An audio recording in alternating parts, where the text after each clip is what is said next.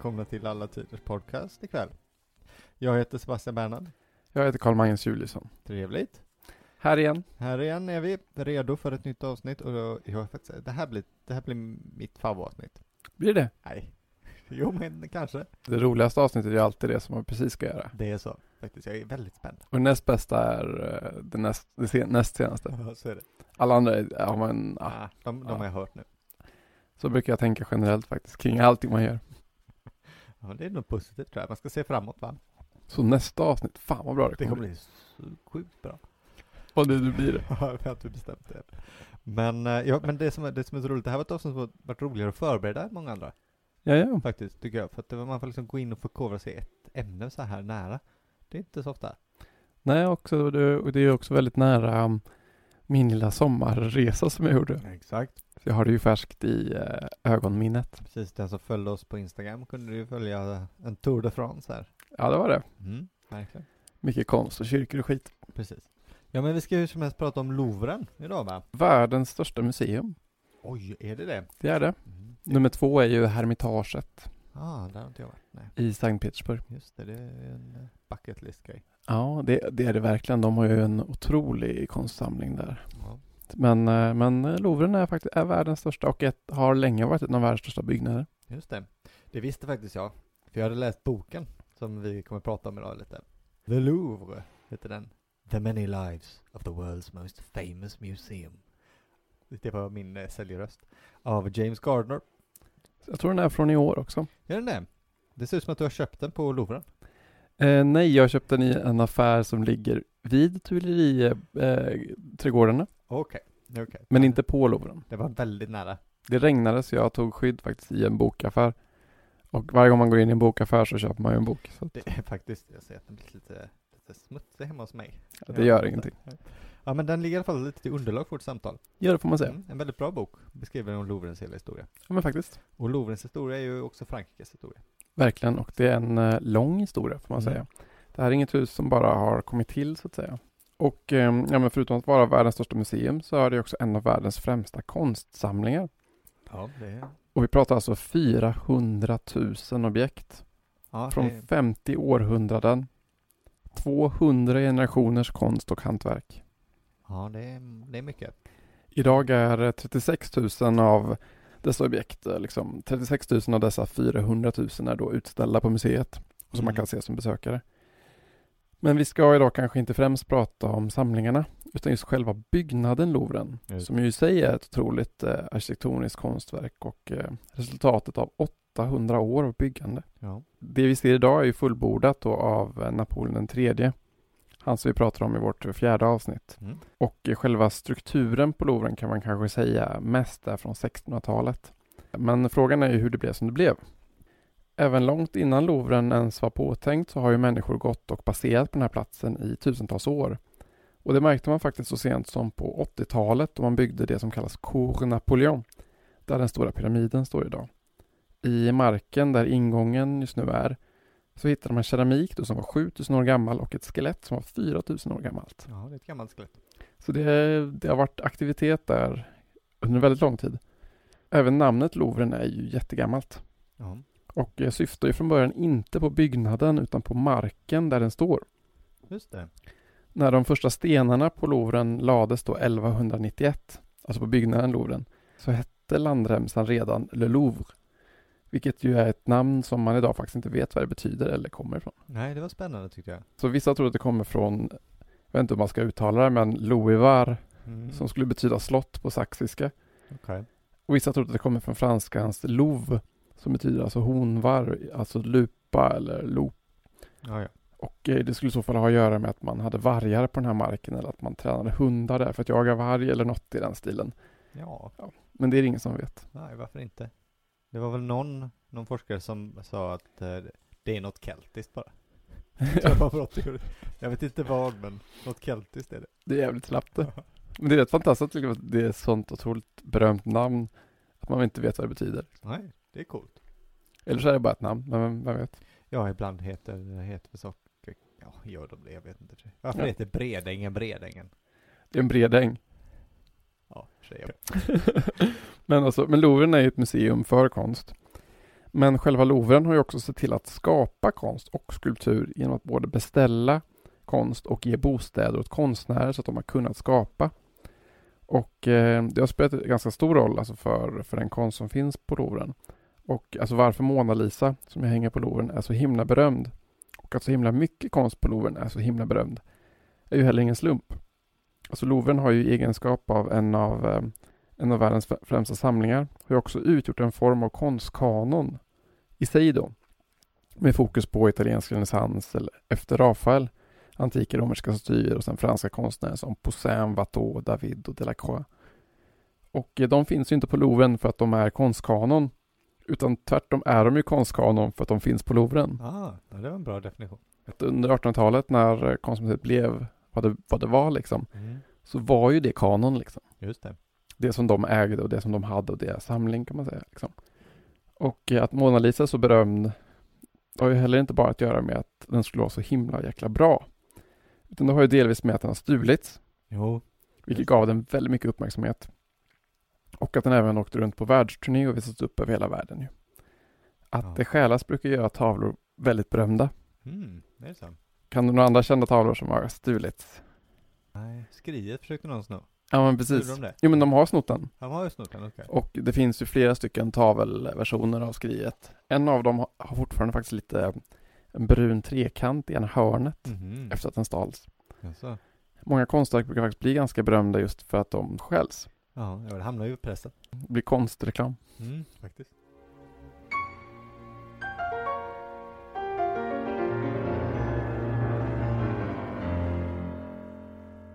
Idag ligger ju Louvren bokstavligt talat mitt i Paris. Ja. Men när Louvren byggdes då 1191 av kung Philippe Auguste var det faktiskt en borg som låg utanför Paris. Ja, det är sjukt. Hela staden då vette ju österut och söderut. Och eh, Louvren var vid den här tiden, om du tänker liksom den innergård som heter Cour Carré. Det är liksom den, ja, men den innergården som ligger till höger från pyramiden. Ja, just det. Halva den vänstra, västra flanken det är allting. Ja, det är inte så mycket. Det är eh, liksom början på, på Louvren. Ja. Och sen byggde man en mur 1370 och då hamnade Louvren i Paris, men precis vid den västra gränsen. Mm. Philippe Auguste var ju heller inte en så dålig byggare. Alltså förutom att bygga den borg som skulle ligga till grund för Louvren slog han också ihop olika klosterskolor till universitetet Sorbonne. Det, det, det är inte illa. Nej, sen byggde han färdigt Notre Dame som hans pappa Ludvig den sjunde hade påbörjat. Ja, ja, man kan säga att han gjorde en hel del för Paris turistnäring. Verkligen, alltså tre rätt viktiga grejer. Ja. Han fixade också flera av stans gator så att de fick sten. Och år 1200 passerade Paris 100 000 invånare. Det är stort på medeltiden. Väldigt stort. Det var väl eh, en av de första städerna att passera 100 000 efter antiken. Ja, i Europa. Så nu var ju Louvren alltså en borg till, att, till för att skydda staden men som knappt behövdes. För kort efter att den var klar så slutade ju konflikten mot anglonormanderna mm. och den franska gränsen tror jag flyttade på sig. Ja, just det. Anglonormanderna är roliga. Ja, vilka de nu är. Ja, men, men eh, oftast i historieskrivningen så brukar man bara säga England. Eh, för att det är de har kungar av England. Och så blir det lättare. Men de är ju aldrig i England. För de bor ju i Frankrike. Aha. Och de pratar franska och är 100% franska. Räknar man Wilhelm Erövraren till det eller? Ja, han är grundaren för den äh, dynastin. Kan man säga. Han hade ju också en pappa såklart, så han var ju inte först. Men Eh, han är ju den som erövrar England och gör det till ett eh, så mäktigt rik som det blir. Och sen så är det ju då inte bara Normandie de kontrollerar, eh, lång, de, långt söderut från Normandie också, och sen Aquitan och Gascogne och sådär. Så att det, de har ju lika mycket mark i Frankrike som den franska kungen har. Och det som händer, så har du ju rätt i, att kriget de vinner ju den franska kronan och tar över mer makt och då är inte Paris hotat på samma sätt och man behöver inte Louvren. Men sen vänder det ju igen. Sen blir det hundraårskrig. Och då är ju Paris belägrat. Av Jeanne d'Arc bland annat. Men, men på den här tiden i alla fall så blev ju borgen lite, ja men lite överflödig. Mm. Och eh, kungen bodde ju inte här ännu heller. Så att man använde lite till fängelse istället. Mm, det är tacksamt. Men den som sen bestämde att göra Louvren till ett palats var en kung som hette Charles den femte som regerade mellan 1364 och 1380. Eh, kungen hade ju såklart massor palats eh, över Frankrike redan och eh, Loren var ju knappast hans favorit av dem. Nej. Så att um, det vanliga kungapalatset som också skulle vara det ett bra tag till, det var faktiskt det som heter Palais de la Cité som ligger på Ile de la Cité, alltså den lilla ön där Notre Dame ligger. Det var ju det som var Paris från början, den ön. Ja, visst det. Efter sen eh, Charles V så är den nästa viktiga kung i Louvrens historia är han som heter då Frans den förste, Mm. eller François Ier. Och då är vi alltså på 1500-talet. 1515 till 1547 regerade han. Just det. Det kan vara kul att tänka på att Louvren då fortfarande är en, en riddarborg. En klassisk riddarborg. Som Bohusfästning. fästning. Ja, men typ lite, lite mer tinnar och torn kanske. Det finns ju en avbildning eh, på den från medeltiden. Man ser ut, så, ser ut som något från en sagobok. Frans den förste, han var ju också då en, en han var ju stor fantast av italiensk renässans. Vi är ju på 1500-talet nu. Och eh, han var ju den som lät Leonardo da Vinci att bo på ett av hans slott. Där, där, där alltså Leonardo sen dö, dör också. Och köpte faktiskt av Leonardo då Johannes döparen, Jungfru Maria med barn och Sankta Anna och Mona Lisa av honom. För att eh, när Leonardo då flydde från Italien så hade han dessa konstverk ihoprullade då i sin väska. De, eh, de smugglade han över gränsen till Frankrike och så sålde sedan då till den franska kungen. Vilken historia. De här verken förvarades ju såklart inte på Louvren eftersom det var en gammal medeltidsborg. Nej, nej, det är klart. Men han gjorde faktiskt ett litet tavelrum på Louvren där han förvarade en del flamländska tavlor. Mm. Och det var den första gången som det fanns några tavlor och någon konst på Louvren. De här tavlorna då av Leonardo, de förvarades istället på hans eh, favoritpalats på Fontainebleau. Jaha. Sen flyttades de till Versailles som byggdes om till palats från att ha varit en jaktstuga av Ludvig den XIV. Och eh, därefter förvarades de på Louvren när det blev ett museum sen då, alltså 1793. Men eh, en viktig förändring var ju att eh, Frans den första faktiskt bestämde sig för att bo på Louvren. Ja, det blir stor skillnad såklart. För de andra slotten ligger ju, alltså förutom då Palais de la Cité, ligger ju alltså lite på landet. Men han bestämde alltså för att bo i staden istället för att liksom flytta runt då som kungen annars gjorde. Han byggde även ett stort torn Louvren som inte finns kvar. Men Louvren var på den här tiden så, alltså i så dåligt skick och väldigt litet för att ta emot gäster. Så att ehm, han var inte helt nöjd liksom och hovet skulle ju, skulle ju växa en hel del. Alltså under tiden för Frans den förstes barnbarn, Henrik den tredje, så bestod hovet av 1725 personer. Ja, det är många i ett hus. De behöver ju en del plats då. Ja. Den första ombyggnationen av Louvren, som fortfarande finns kvar idag och som fortfarande är av väldigt stor vikt, gjordes under den här tiden då under eh, Frans den första. Och det var att anställa en arkitekt som hette Pierre Lescaut. Och eh, han då byggde om den del som heter Isle Lescaut idag.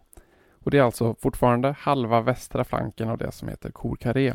Och det han gjorde var att han då i en form av fransk klassicism då dekorerade fasaden på Louvren. Så som den ser ut idag faktiskt. Och eh, denna stil då, denna franska klassicism som Pierre Lescaut introducerar, man ska säga. Det är den som inspirerar sedan den franska barocken och även inspirerar de fasader som baron Haussmann sedan under 1800-talet ska bygga över hela Paris. Ja. Du ser, allt sker på Louvren va? Ja, men det är en otrolig påverkan som han eh, sätter igång. Ja. Om man fortfarande är lite osäker på var vi är nu i Louvren så byggde Lescaut även insidan som idag är en sal då som heter Salle de Caryatide. Och där finns idag massa romerska kopior av grekiska statyer. Den här salen byggde alltså Lescaut då cirka 1550 i Aile Lescaut som man fortfarande kan besöka. Ja, den brukar man se om man är på Louvren. Man kanske inte tänker på att den är så himla gammal. Nej, den ser ju inte så gammal ut. Nej, den är väldigt fräsch i marmor liksom Ja. och är väldigt ljus och fin liksom. Just det. Och eh, den här fasaden då som man byggde, det ska också sägas att det är på öster sida, alltså högra sidan av, av eh, den här lilla flanken då.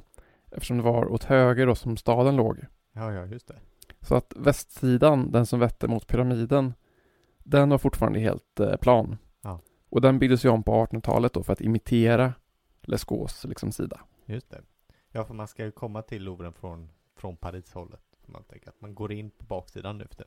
Ja men precis. Det är spännande att han väljer just, just Louvren har ju att göra med att Frankrike nu blir centralstyrt istället. Så det är liksom en his- politisk historisk skillnad. Innan så måste kungarna måste flytta runt hela tiden för att se till att allt sker rätt på olika ställen. Och för att kunna få in skatter och pengar och prata med människor. Men nu behöver han inte göra det längre utan nu har han ju en stab. Man har ju grundat en eh, centralstyrning helt plötsligt. Och då blir det också det gamla palatset på Ile de la Cité. Det blir för trångt. För där bor jobbar ju alla administratörer och sånt där. Så de, då är det bara Louvren kvar. Så det är lite av en slump att Louvren blir det Louvren blir. Det är det enda som finns kvar helt enkelt. Ja, historien är ju sån eh, lång serie omständigheter och slump. bara. Ja, verkligen. Mm. Det är kul. Ja, så nu är alltså Louvren är ju jättelitet nu och alltså en tjugondel av vad den är idag.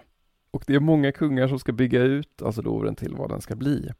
Den första som ska göra en ordentlig expandering är en kung som heter då eh, Henri IV eller Henrik den fjärde. Han och hans son då Ludvig den trettonde från Bourbonfamiljen. Mm. Och då ska vi komma ihåg att um, Louvren är inte helt ensam vid den här tiden heller för att ehm, en drottning som heter Catherine de Medici har ju då under 50-talet byggt ett palats då som heter Tuileripalatset och som låg eh, just där Tuileriträdgårdarna ligger idag, alltså väster om Louvren. Och det var där som ja, Napoleon Bonaparte bodde till exempel. Just det. Ja, så men uppenbarligen så, det finns ju inte kvar där heller. Det kommer vi in på senare i historien. Ja, ifall du undrar, men det står ju inget slott där. Nej. Nej, det gör det inte. Det gör det inte.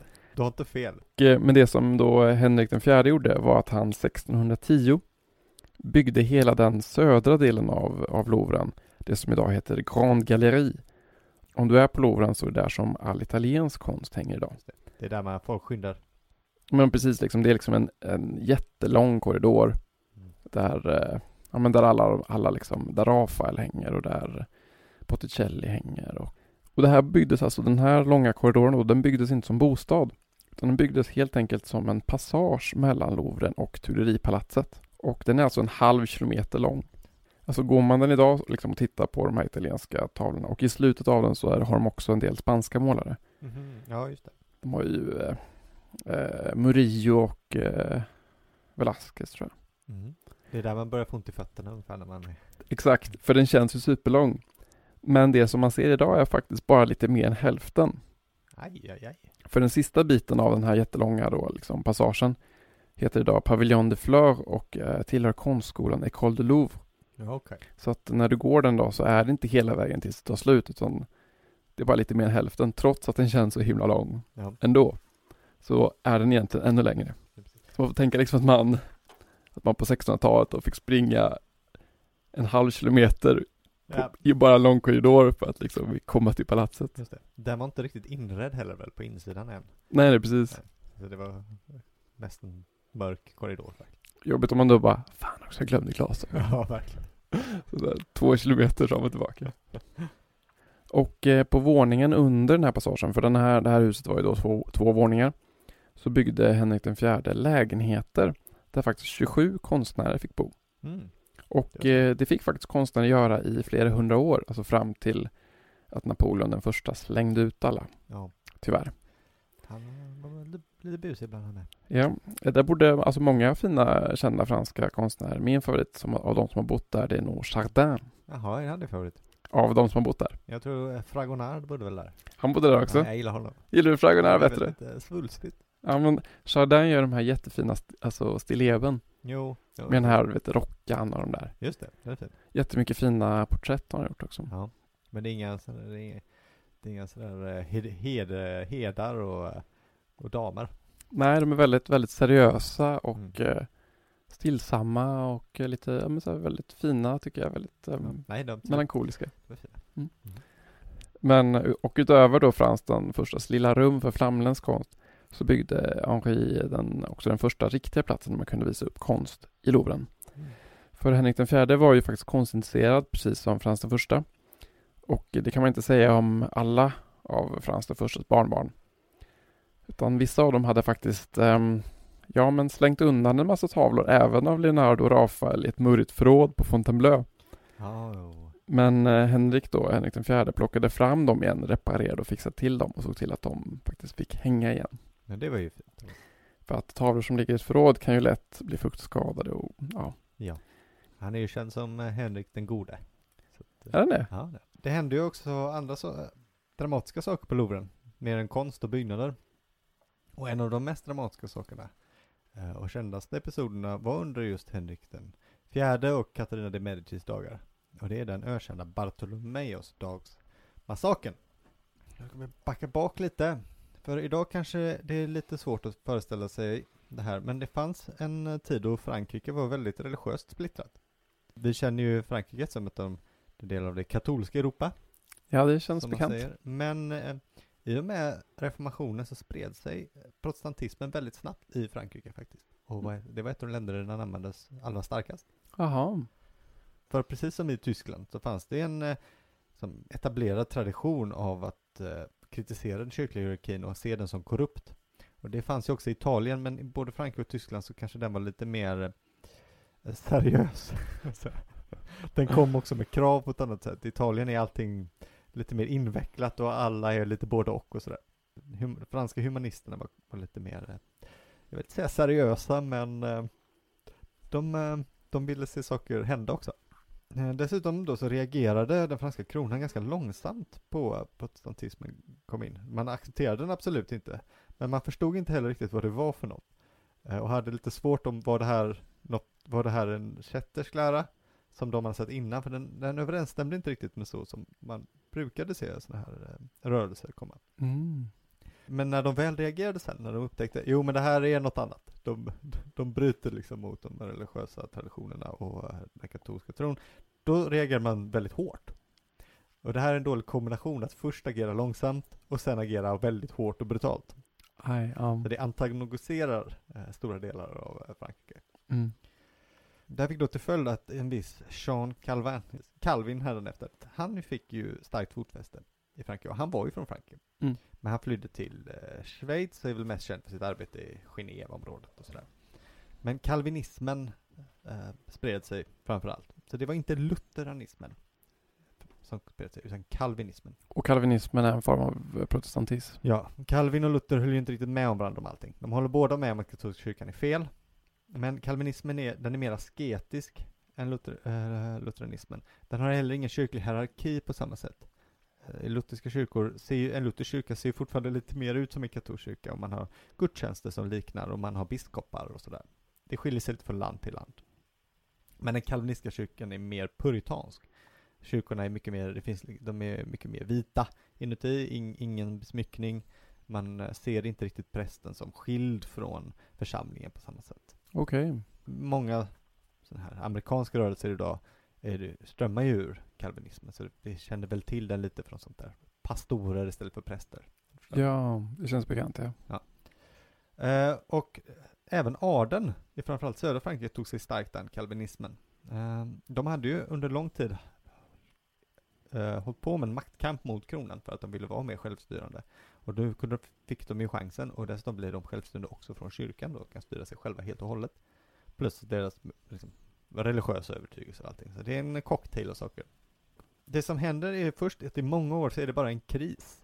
Det är, ingen, det är liksom ingen utredd strid, utan staten bränner någon här, här och då, förföljer kättare när man kan, i de länder som kronan styr över direkt, eh, och fångar in böcker och sånt där. Medan då hugenotterna, som de blir kända, franska protestanter, de eh, tar över, blir majoritet i vissa delar, de vandaliserar ibland kyrkor eller attackerar katoliker på olika sätt, eller präster. Eh, fram till 1562, så alltså nästan 30 år 40 år efter reformationens eh, inledning, det är först då de börjar slåss mot varandra. Så det är en uppbyggnad. Eh, och det är för att protestanterna reser sig eh, i ett gemensamt uppror mot Karl IX, som var kung då, fast han var ju, han var ju en lite svag kung va. Och då tyckte protestanterna att han är ju händerna på sin mamma, Katarina de Medici. En kvinna som få tycker om, eller tyckte om. Men som byggde Tuileripalatset. Det gjorde hon. Hon är även känd för då för att hon ska ha tagit det italienska köket till Frankrike. Mm. Eh, Men eh, det, det är lite osa, osa, osannolikt tydligen. Aha. Även gaffeln. Okej. Så ja, jag är inte den som är den. Men vi, ska, vi kommer in snart här på varför. Jag ska inte bli för långrandig här med krig. Eh, det räcker att säga att kriget höll på och eh, det gick fram och tillbaka. Ingen sida kunde vinna. Så till slut då, 1573, 10 år av krig, eller 11 år av krig, då bestämmer man sig för en uppgörelse. Katarina de Medicis dotter, Margaret de Valois, ska gifta sig med Henrik av Navarra, protestanternas ledare. Och Henrik av Navarra är Henrik den, kommer att bli Henrik den fjärde. Men för tillfället är han ja, faktiskt kung av ett ställe som heter Navarra, som ligger i södra Frankrike, Pyrenéområdet. Och det här giftermålet ska då cementera freden. Så hela den franska ledande adeln och skiktet, alla beger sig till Paris. Nu ska alla vara med. Nu är det brödraskapet, eh, fanan ska hyllas och sådär. Och protestantismen och katolicismen har förenats i äktenskapets bädd. Precis. Eh, Henrik den eh, fjärde här då, Sundby, har ju då lovat också att konvertera. Och det kommer, det kommer återigen det också. Men, men då redan några dagar efter att bröllopet har skett så börjar det hända sådär. Ja, det börjar bli stridigheter lite för att någon försöker mörda admiralen eh, de Coligny, heter han väl, eh, som är en protestantisk ledare. Det här misslyckas dock, men det, det gör ju inte vänskapsbanden så starka. Kanske. Nej. Och alla verkar vara på spänn och förstår att snart kommer striderna att blossa upp. Det här går inte, folk är för arga på varandra. Alltså bestämmer sig den katolsk, det katolska hovet för att agera snabbt. Och då på Bartolomeusdagen, det är den 24 augusti 1572, då ringer klockorna från eh, kyrkan Saint-Germain de, de la, Saint-Germain l'Auxerrois med reservation, eh, som ligger mitt emot Louvren. Den står kvar.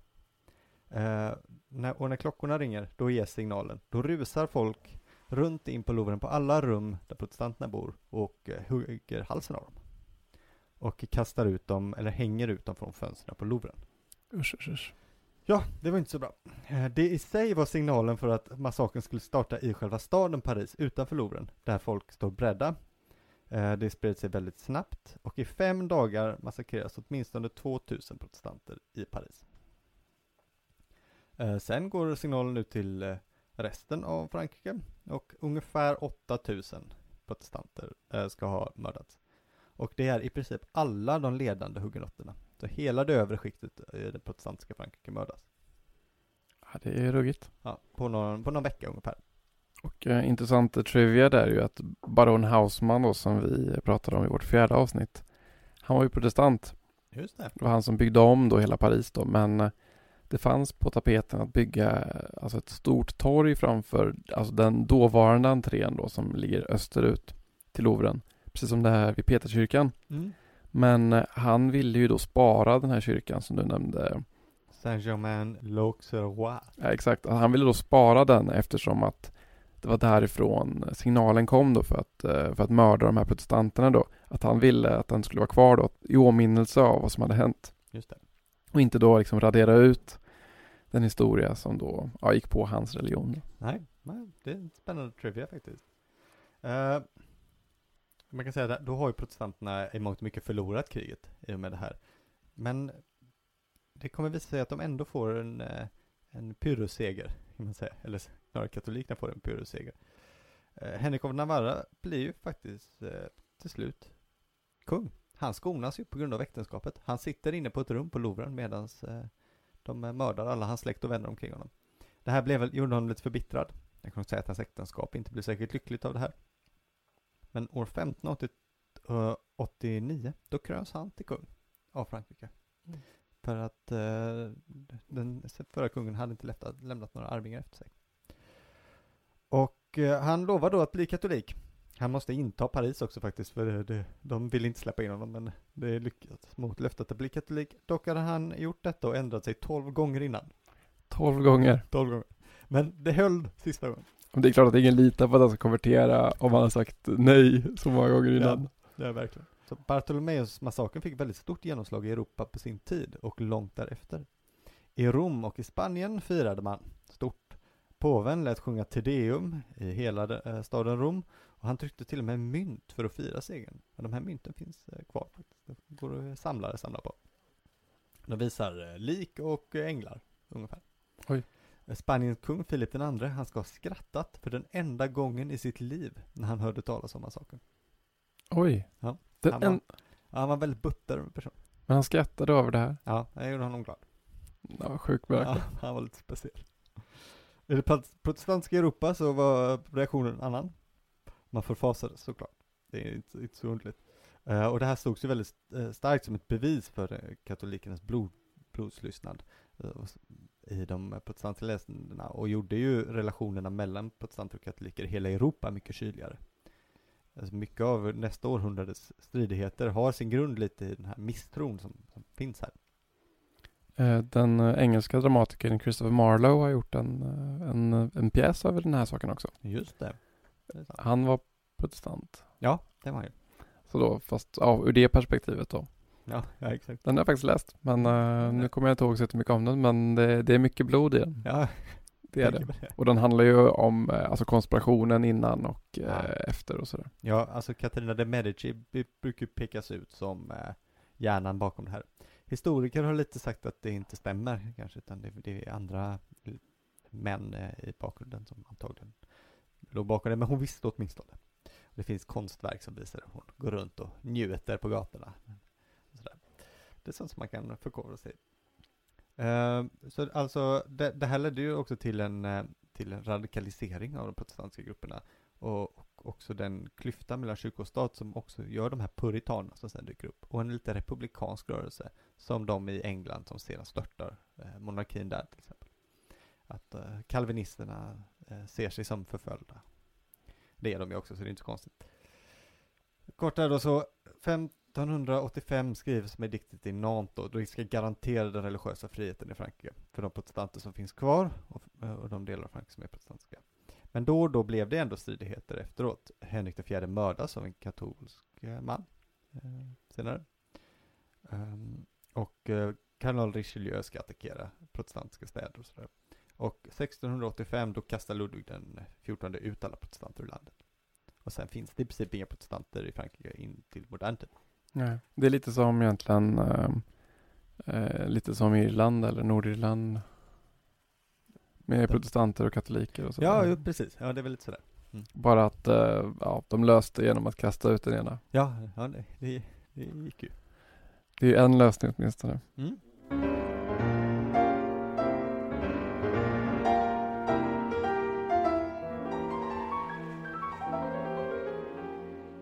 Men eh, ja, Henrik den fjärde som du sa, är mördad. Och eh, då kom ju hans son till makten, Ludvig den trettonde. Mm.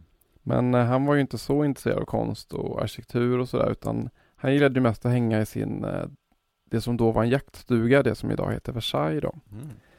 Men han gjorde faktiskt lite bra grejer i alla fall. Han satte faktiskt en arkitekt som heter Le Mercier på att fyrdubbla innergården, Ah, alltså Cour Carré då, till den, alltså den storlek som det har idag. Mm.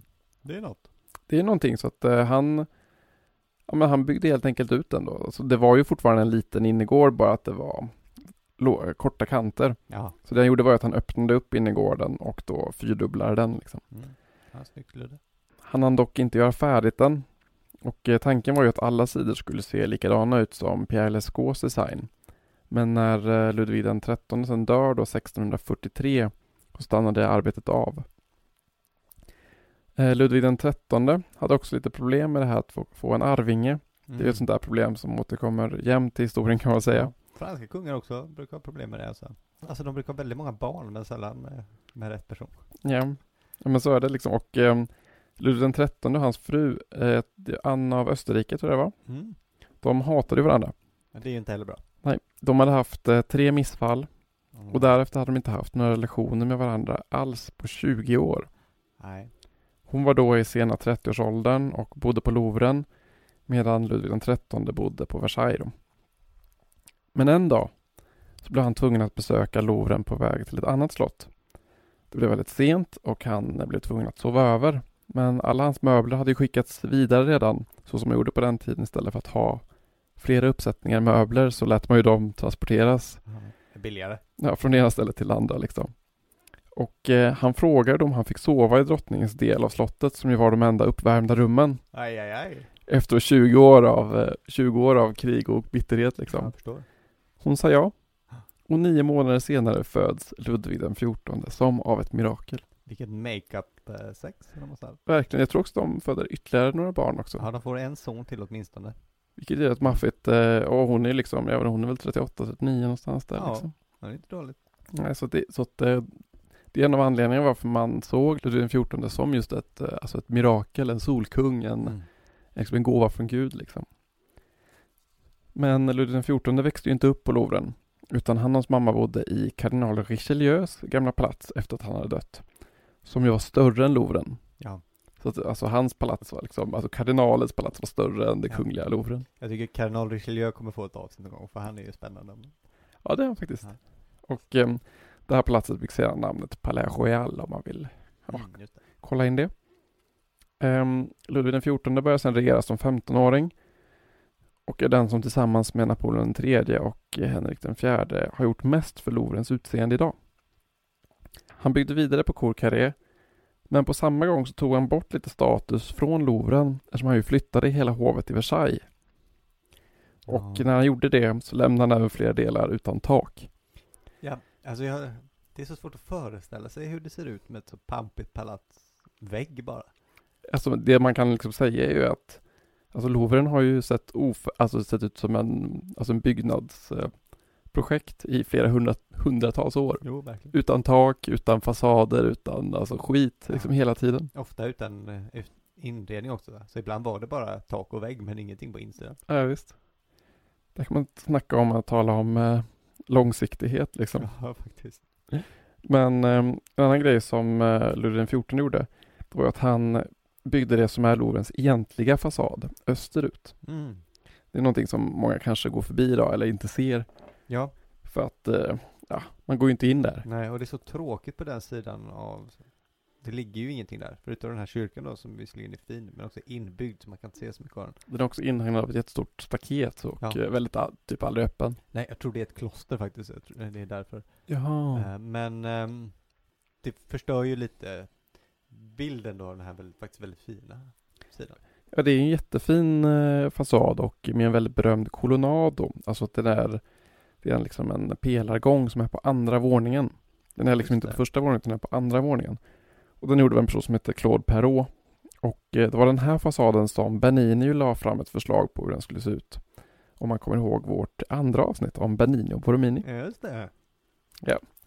Dessutom köpte ju eh, Ludvig XIV upp en alltså en massa hus då, som låg runt Louvren för att eh, Louvren låg ju liksom i ett kvarter. Så han köpte upp en massa av de hus och marken som låg liksom lite här och där runt palatset för att kunna ge mer plats då att bygga ut. Det är ju tätt på. Städer på den här tiden var ju alltid, det finns ju inte så här stora öppna platser utan husen låg ju rakt på. Det är en senare uppfinning att man ska ha massa plats Ja, och titta. Ja, och stora torg och stora sådär. Ja. Men om man ska prata lite om vad som är typiskt för Ludvig XIV stil så är det ju ord som grandeur och gloire. Mm, härliga ord. Ja, och det betyder ju att det ska vara bländande, stort, guldigt, överdådigt. Mm. Men det innebär också att kvaliteten på varje detalj kanske inte behöver vara supernoga. Nej. Och det finns ju även på flera ställen i Louvren just alltså Galleria Apollon. Om man vet vad det är, det är där de har eh, kungajuvelerna i Louvren. Det är ju jättehäftigt, men måleriet på väggarna är ju inte det bästa liksom. Som, alltså om man ska vara kräsen liksom. Nej, nej. Men, liksom, men helheten är ju grym. Men gör det bättre själv. Ja, nej, men det, det kan jag inte göra. Och det är samma sak med statyerna från 1800-talet av kända män som står längs med balkongerna på utsidan Haha. och som ska ge ett litet häftigt intryck, liksom likt Petersplatsen i Rom. Men varje staty där är ju inte så här skitbra egentligen. Nej. Det är de faktiskt inte riktigt på Peterskyrkan heller om man ser dem på nära håll. Så Nej. att de är ganska grova alltså. Ja, men det är liksom, det är en del av den här typen av estetik, liksom att det är helheten som ska vara, som är det, liksom det stora och det viktiga, liksom att det ska vara en imponerande helhet liksom. Ja, det tycker jag med. En lite kul kur- kuriosa, eh, ordet eh, boulevard känner man ju kanske till. Det är ett känt ord. Kommer från någonting som heter alltså boulevard, då, Ja. så, som så rimligt. Och det är alltså egentligen en form av försvarsvall. Och dagens boulevarder är alltså de vallar som fanns runt Paris, men som då Louis XIV plattade till och gjorde till vägar. Ja, det är konstigt. Så att eh, ordet eh, boulevard egentligen, liksom, alltså det är en försvar, någon form av försvarsvall. Liksom. Det var som en liten kulle kan man säga. Finns ju i det engelska ordet bulwark. Ja, precis. Jag läste faktiskt det också, men jag har aldrig hört det engelska Nej, ordet. okej. Men jag kan använda dem dels som en militärskydd, men också man kan väl använda det ibland eh, politiskt eller socialt, att någonting är a bulwark mot någonting. Aha. Sådär. eh, Men den här tidningen är a bulwark against eh, eh, populism, till exempel. Ah, ja, de tar strid mot den, liksom, eller Ja, bygger precis. upp en befästning mot. Liksom. Ja. Men den här utflytten då som Ludvig XIV gör, den var också vara ganska viktig i utvecklingen av Louvren som museum. Eftersom, eh, ja men vad ska man göra med alla de här rummen, liksom all den här plats i Louvren? Jo, man eh, lät en massa akademier flytta in. Mm, en bra idé. Inte minst den Kungliga akademin för målning och skulptur. Och eh, de började då ta in massa medlemmar såklart, då, alltså konstnärer och sånt där i sin, i sin akademi. och började då 1667 att anordna en årlig salong där de visade upp konst för första gången för allmänheten Ja, det är coolt. och som ju var jättepopulära. Och, ehm, och då liksom, det här är inte en liksom så som man tänker utställning idag, att det är liksom, lite glest uppsatta tavlor, utan de här tavlorna var ju från golv till tak. Ja, verkligen. Det var liksom, alltså i Louvren och så var det, varenda centimeter var en, var liksom en tavla och sen fick man liksom köpa ett program där det stod vem som hade gjort vilken tavla. Just det. Det var liksom en liten konstart, typ att man man hängde liksom tavlor som kanske hade lite liknande teman eller liksom byggde på lite samma tematik och så mot varandra och skapade en sån här Alltså lite relationen mellan eh, Mellan dem liksom. Ja. Det är också i samband med det här som alltså den första konstkritiken uppstår. Ah, coolt. Så vi är ju nu i upplysningen här och det är Mm. Diderot och sådär liksom. Och det är liksom på grund av den här salongen liksom så kom, blev liksom också konsten Alltså Ja men en, en kritik kan man säga. Ja, något man gick och snacka om. Ja men verkligen och det finns folk som har smak och säger vad som är bra och hur saker ska se ut och sådär. Just det. Men sen då ska vi hoppa till eh, Ludvig den 16. Han var inte heller eh, jätteintresserad av, av idén att göra Louvren till ett museum. Vilket var någonting man nu började diskutera. Mm. Men hans direktör för de kungliga kvarteren och över Louvren som heter greve d'Andrevilliers han var väldigt för att göra det här till ett museum och han började därför köpa konst på ett helt nytt sätt. Han började köpa konst inte som dekoration till slotten utan konst specifikt för att ställas ut. Ja, det är något nytt. Det är väldigt, väldigt nytt liksom. Det var mycket fransk konst såklart. Som en form av liksom nationalistiskt projekt, men ändå. Och ehm, det var också på den här tiden, det var också Ludvig den 16 som rev de sista medeltida lämningarna av Louvren. Mm, just det. Det finns inga övermark nu. Nej. Det finns några man ser på bottenvåningen väl? Ja men precis, det kommer sen i den här Nej, vad bra. 80-tals... Nej jag kommer inte säga någonting om det. Nej, okej. Vi nämnde ju i början när de hittade skelettet och så. Precis. Och det är faktiskt de här eh, medeltida delarna som man idag kan se i källaren eh, grävdes fram då Ja, jo. under liksom eh, den här renoveringen då på 80-talet. Mm, coolt. Ludvig 16 blir ju sen som bekant halshuggen. Oh ja. Det vet man ju kanske. Och eh, under revolutionen fortsatte man att vilja göra Louvren till museum. Mm. En konstnär som heter David just som var revolutionär var ju väldigt på den här idén. Just det. Och så blev det. Mitt under terrorväldet den 8 november 1793 så öppnar Louvren som museum. Ja, timing. Mitt under revolutionen alltså. Ja. Det, är, det är ganska sjukt ändå. Ja, lite. Men inte bara som museum då, utan också plats för olika departement och ministerier. Finansministeriet låg till exempel i Louvren fram till 1993 Ja, det är kul. i de salar som idag heter Napoleon III salonger, Mm. Men som faktiskt inte är hans salonger. Nej. Han bodde ju i Tuilerierna tills det brann ner. Så att de, de ljuger lite där, men vad fan. Ja. Det ser coolt ut där inne ändå. Väldigt, väldigt coolt. Mm. Sen tar ju som bekant Napoleon makten 1799 och även han slår sig ner i Tuileripalatset. Hans eh, fru Josefin har faktiskt Mona Lisa på ena sidan av sin säng. Ja, På den andra har, hade hon Holbeins då porträtt av Erasmus. det är en så konstig mix. Tycker du det? Jag fattar, jag förstår inte temat. Två fina porträtt. Jo, ja, det är väl det. Jag, har- jag vet inte om jag vill ha Erasmus vid sängen. Jag gillar honom, men Den stora humanisten. ja, ska han titta på mig när jag sover? Nej du. Nej, Mona Lisa får göra det. Mona Lisa kan få titta. Hon sneglar ju också väldigt Nej, mycket. det gör inget.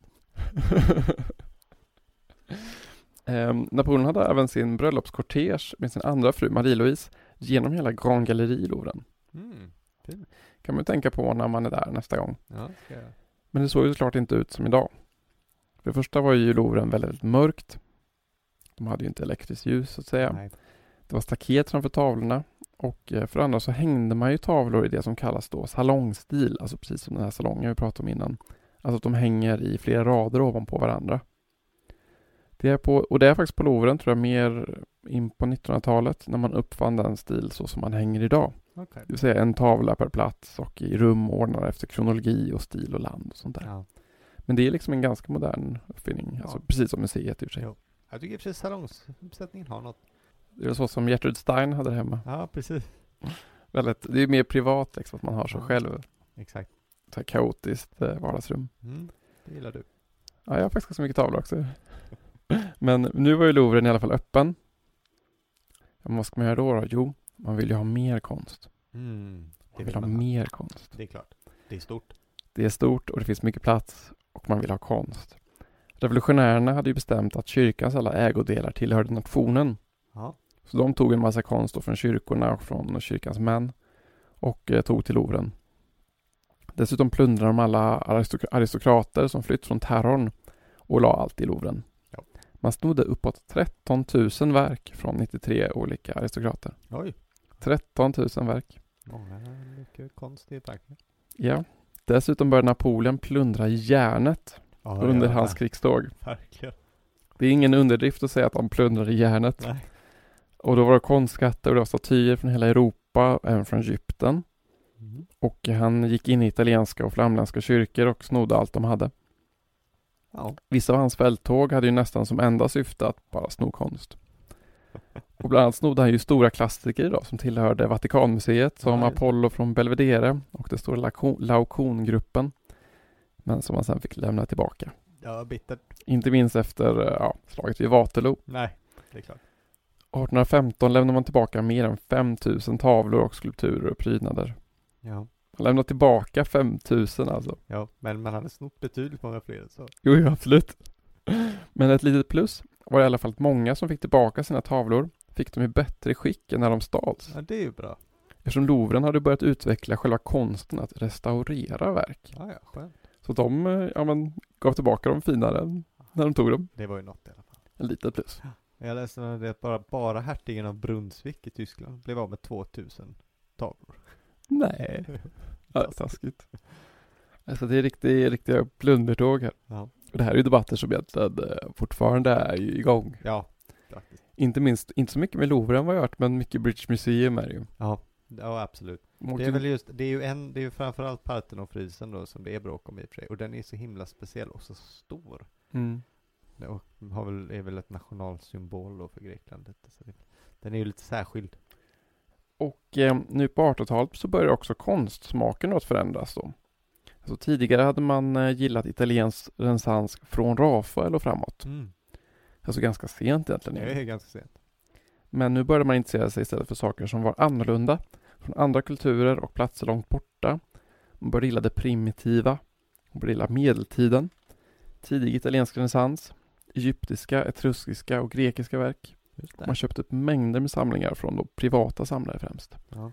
Och det är nu på 1800-talet som Louvren också ska få in några av sina, kanske idag, finaste verk. Venus från Milo Mm. kom in 1821. Nyss utgrävd.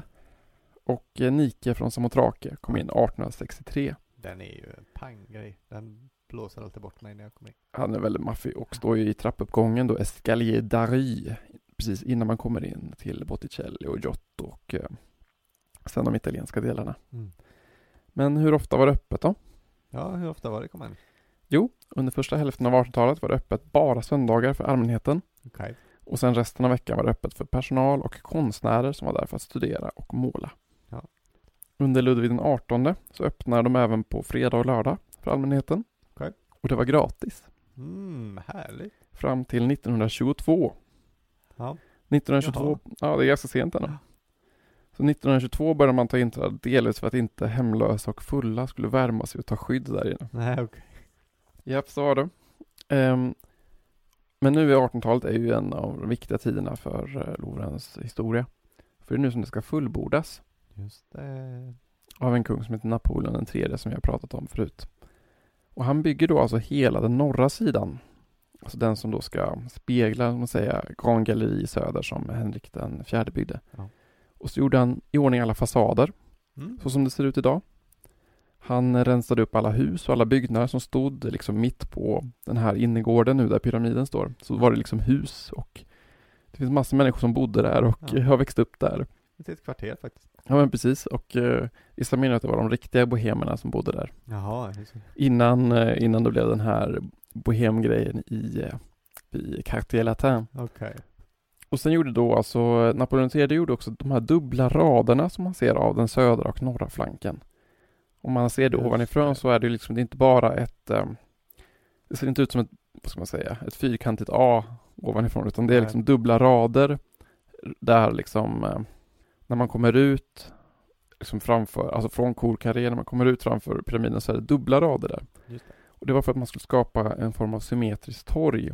För yttersidorna på Louvren är inte helt symmetriska. Nej, det är det det är ett problem. Och då ville man liksom, man ville liksom få en känsla av att det såg symmetriskt ut. Ja. Liksom. Och det gjorde man då att man dubblade raderna och gjorde så att det blev som en liten symmetrisk ställe. Och sen är det lite två armar som sticker iväg. Precis. Man hade väl problemet också då med att marken är ju lite ojämn så att Tuileripalatset och Louvren de står liksom lite snett högt från varandra. Så man hade lite problem, hur ska vi, hur ska vi göra så att man inte märker det här? Ja men verkligen, alltså man förstår ju också det att den liksom, jag menar den, den katastrofala känslan av att, men det är ju inte symmetriskt. Exakt. Alltså får man tänka att liksom alltså franska trädgårdar, Ja, de karaktäriseras av att vara väldigt, väldigt symmetriska. just det. Och så står man här då liksom med att någon har byggt ett palats som vi ska försöka bygga ihop med Louvren Ja. och så är det inte symmetriskt. Nej, fy vad jobbigt. Alltså, och så liksom, vad, vad ska man göra liksom? Ja, det är helvete alltså. Men idag är det ju så extremt stort så man tänker ju inte på att det är det. Nej, Om man inte Verkligen. liksom verkligen, verkligen eh, alltså följer den här då, norra liksom axeln eller tittar ovanifrån såklart. Ja, vi har pratat en del om Tuilerierna nu. Det kan vara dags att säga lite vad som hände med dem. För som vi sa så står de ju inte kvar. Nej, det, det är ett palats som är borta alltså. Ja, precis. Ehm, det var ju så då att Louvren eh, var inte ensamt. Utan under stora delar av sin historia så är konstruktionen speglad med Tuileripalatset. Louvren är ju äldre eh, än Tuilerierna men Tuilerier kommer ganska tidigt så de jobbar alltid med varandra på något sätt. Det är två palats men de är också ett på, på vissa sätt. De har den här stora passagen då som binder dem samman. Ja, exakt. De räknas alltid som två olika palats dock. Så att man säger aldrig att de är samma, men i praktiken är de ju det. Även om ja, Louvren mest fungerade som konstplats. Um, palatset byggdes som du sa av Katarina de Medici 1564. Eh, och då hade ju staden expanderat runt, så redan nu så ligger de ju liksom nästan i mitten av stan. Tuilerierna fick ju då sitt namn efter eh, de kakelbrännerier som låg där innan, som på franska heter något sånt där tulleri. Uh, twill, Tuil det är ju typ tegel va tror jag Ja, eller? det är det. Så jag tror det är liksom tegelplattor tror jag. Om, jag, inte är, om jag inte är helt ute och, ehm, om jag inte är helt ute och cyklar. Nej, jag tror att det var tiles på engelska. Vad är det då? Det kan vara lite både och tror jag. Eh, Men jag tror att det är mer det du pratar om. Och det hör man ju på namnet också att det liknar ju Twill. ja. Man rev ju det här industrikvarteret helt enkelt för att bygga ett palats. Eh, Och från och med Henrik f- eh, till Napoleon III så var Tuilerierna huvudresidens för kungligheterna i Paris. Så även Versailles var ju under långa tider själva huvudsätet, så var Tuilerierna i Paris istället. Så om kungen var i Paris, då bodde han på Tuilerierna. Eh, Och eh, från början då så vill man ju koppla samman det med Louvren och man gör det med Grand Gallery på ena sidan. Men planerna kommer ju så fort såklart att man vill ha på andra sidan också, för symmetrins skull. Den franska symmetrin. Exakt. Det ser ju dumt ut om man bara har en arm. Eh, Men det här ska dröja.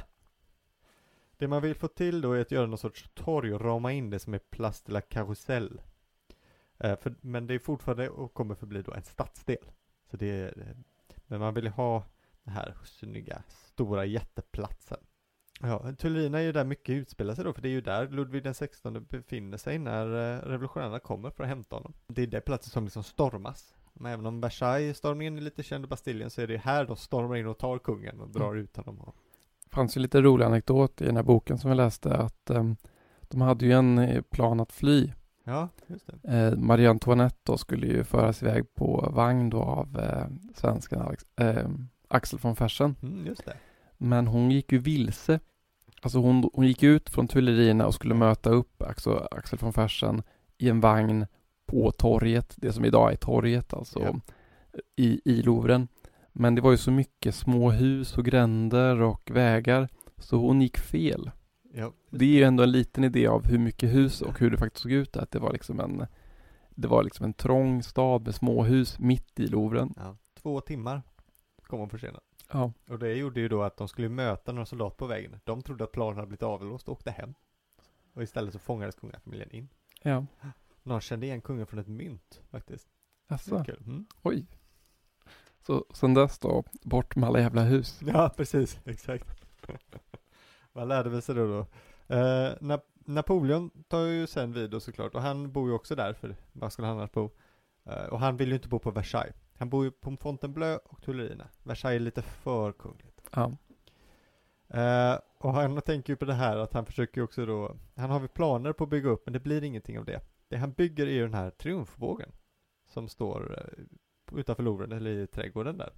Och är ju det enda som är kvar egentligen av Tuileripalatset. Mm. Det var väl liksom ingången till, eh, alltså man gick in där i Tuileriträdgårdarna då, det som stod framför Tuileripalatset, så gick man genom den här eh, triumfbågen. Just det.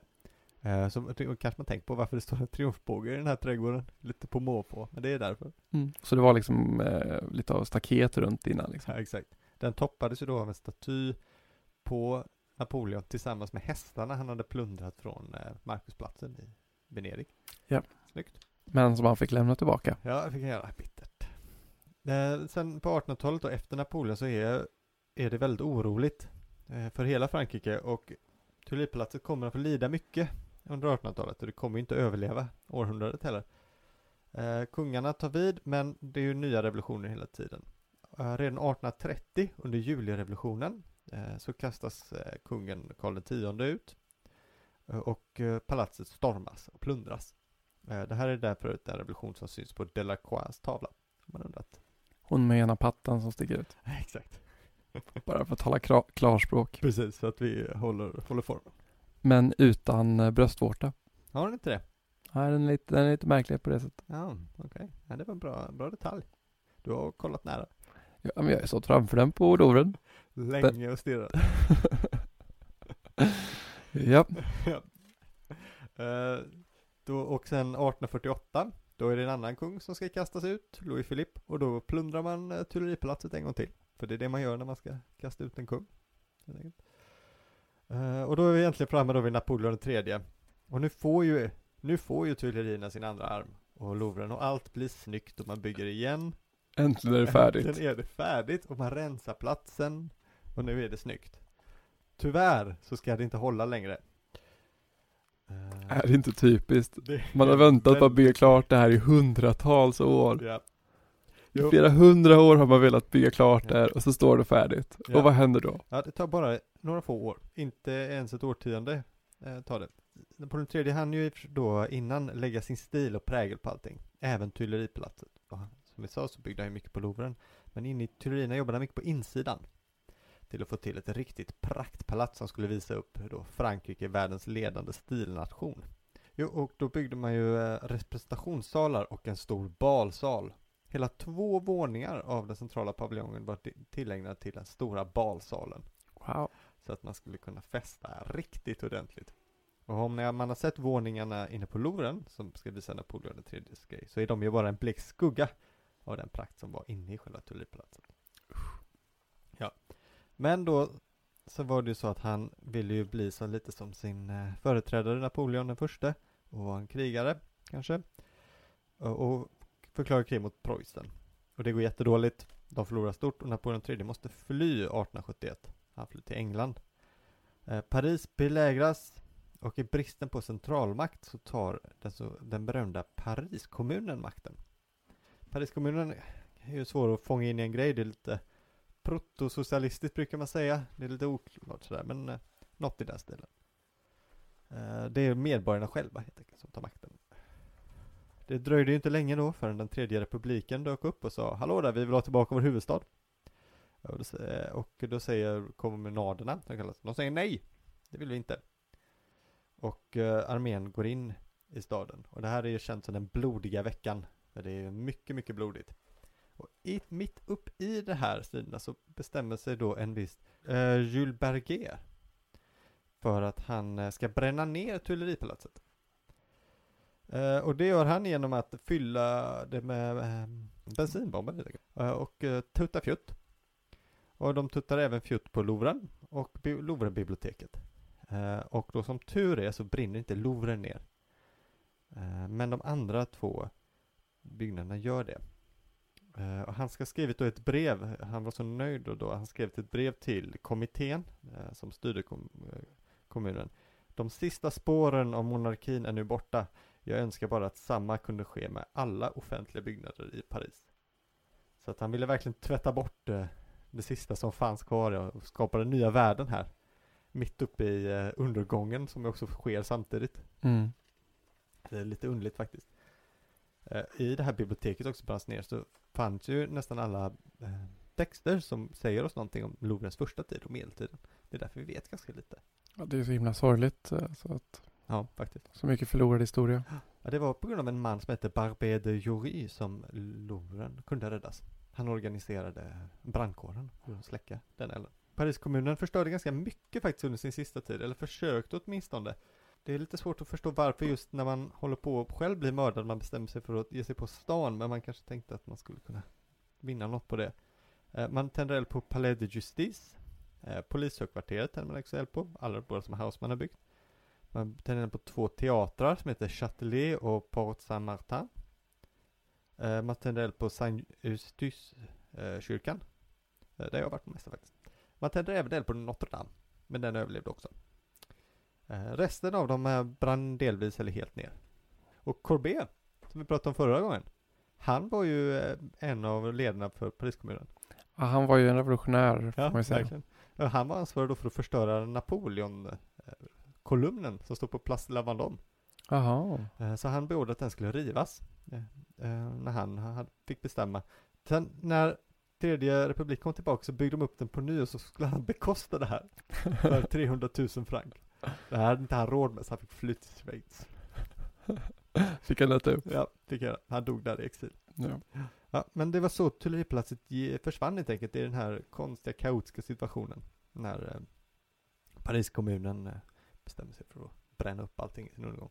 Och i 12 år stod ruinerna kvar faktiskt. Innan man eh, tog bort allt förutom då triumfbågen som eh, stod kvar och vittnar om slottet.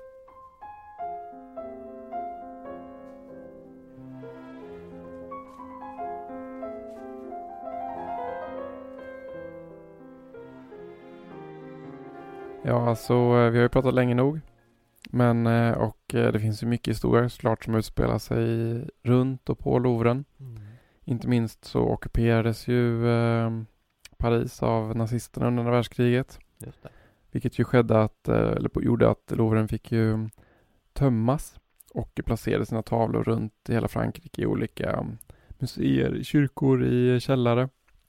Ja. Alltså alla skatter liksom fick liksom placeras runt för att inte ja, brinna upp då ifall de hade blivit bombade. Och, eh, men det orkar inte jag prata så mycket om. Men Nej, det finns en, eh, finns en rysk eh, regissör som heter Sokurov. Ja. Som är väldigt, han gjorde den här, eh, vad heter den? Ryska arken. Ja. Som ju handlar om Hermitaget. Ja, ja. Han har också gjort en film om eh, Louvren som heter Frankofonia. Mhm. Som handlar om eh, ockupationen av Louvren då. När det flyttar in en tysk eh, museimästare där som ska tycka massa saker. Ja, okej. Och så smyger det runt en, ehm, en, eh, en Napoleon faktiskt i alla salar. Jaha. Ska säga lite olika grejer. Kul. En eh, fin regissör och en jättefin film. Ja, den kan man se om man är intresserad av historien. av andra världskriget. Men vi har ju en sista liten anhalt kvar då. För än så länge har vi inte kommit fram till hur den ser ut idag. Nej, det har vi inte gjort. Vi vet att, um, vi vet att tuilerierna är borta så att det är öppet åt det, åt det hållet.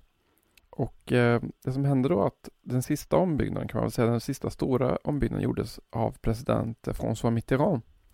Som 1989 bestämde att de skulle bygga om Louvren till det som det heter idag, alltså Grand Louvre, Mm. den stora Louvren. Med ingången mitt på Cour Napoleon genom den här pyramiden då som IMP har byggt. Mm. Under pyramiden finns ju ingångarna ju till de här tre paviljongerna då, Sully, Richelieu och Denon. Just. Och ehm, syftet med det här var ju att norra delen inte var del av museet innan eftersom det var där finansministeriet och lite grejer låg fram till 1993. Så lite av IMPs arbete var att hitta ett sätt att göra det lätt att gå mellan de olika delarna. Jo, jo. Just. Hans förslag blev då den här underjordiska lösningen då. Och man byggde också det stora köpcentret som finns eh, också under mark där precis. Just. Och ehm, jag menar många menar det, i alla fall James eh, Gardner menar det, att det är ju lite av en lycklig slump att, um, att uh, Tuileripalatset brann ner, fast även om det pajar symmetrin. För det, det som har skett är att det har blivit en, att det är öppnare och ljusare och de har liksom att det är liksom, det är som att den öppnar upp sina armar till den här stora Tuileriträdgården. Och om man nu står på eh, trapp, trappan då eh, mellan den här Aile Sceaux då, alltså mellan Cour Carré och Cour Napoleon och tittar mot pyramiden så ser man ju då pyramiden. Ja. Sen ser man Napoleons lilla triumfbåge. Sen ser man den här obelisken på um, Place de la Concorde Ja, det gör man. och sen ser man den stora triumfbågen. Ja, det är väldigt snyggt. Allting i en enda lång, jätte, jättelång rad. Just det. Det är en otrolig symmetri så att jag tycker att eh, även om man blir ett, pa- ett palats mindre så har de ändå gjort någonting väldigt fint av, av den förlusten. Nej, det hade ju inte varit Paris som man känner det. I alla fall. Nej men precis liksom och eh, ja, men så här är historien liksom. Vissa saker försvinner bara. Ja, faktiskt. Och eh, idag är ju liksom, idag är ju pyramiden i sig ett, eh, ett av Paris stora landmärken och hela Instagram är ju fullt av den. Ja, faktiskt. Ja. Och det är också väldigt kul att precis som Eiffeltornet så hatade ju alla pyramiden när den kom. ja, jag vet det. Pei var ju en sån här brutalistisk modernist, så Nej. inte alls den här postmoderna arkitekten som man trodde att det skulle bli ändå på Ah, 80-talet. Mm. Så valde man en jättegammal brutalistisk, modernistisk eh, arkitekt. Han dog ju förra året, eh, 104 år gammal. ja, skål på det. Mm. Vilken odyssé Verkligen, genom eh, en fascinerande historia. nästan hela Frankrikes historia. Ja, faktiskt. ja, den drar vi, hela drar vi en annan gång. Ja, I ett enda långt mastodontavsnitt. och från ett annat perspektiv än från eh, slottet Louvrens fönster. Ja, kanske. Kanske det. Eh, då ska vi säga tack och hej för idag. Eh, påminna om att eh, oss kan man ge pengar om man vill. Om man tycker att det här var bra. Det borde man faktiskt tycka var ganska bra, tycker jag i alla fall. Annars bör man inte göra det. Nej, nej, men tyckte man det så kan man stödja oss på Patreon. Till exempel hjälpa oss med inspelningen. Eh, finns vi på all, som alla tiders podcast på Patreon. Eller så kan man swisha oss den här ölen vi tänkte gå och dricka nu. Kan man swisha priset av en stor stark till 076 089 1982. Säger vi tack och hej. Tack och hej, Ses vi, tar vi och dricker öl. det gör vi. Ja, hej, hej. Hej.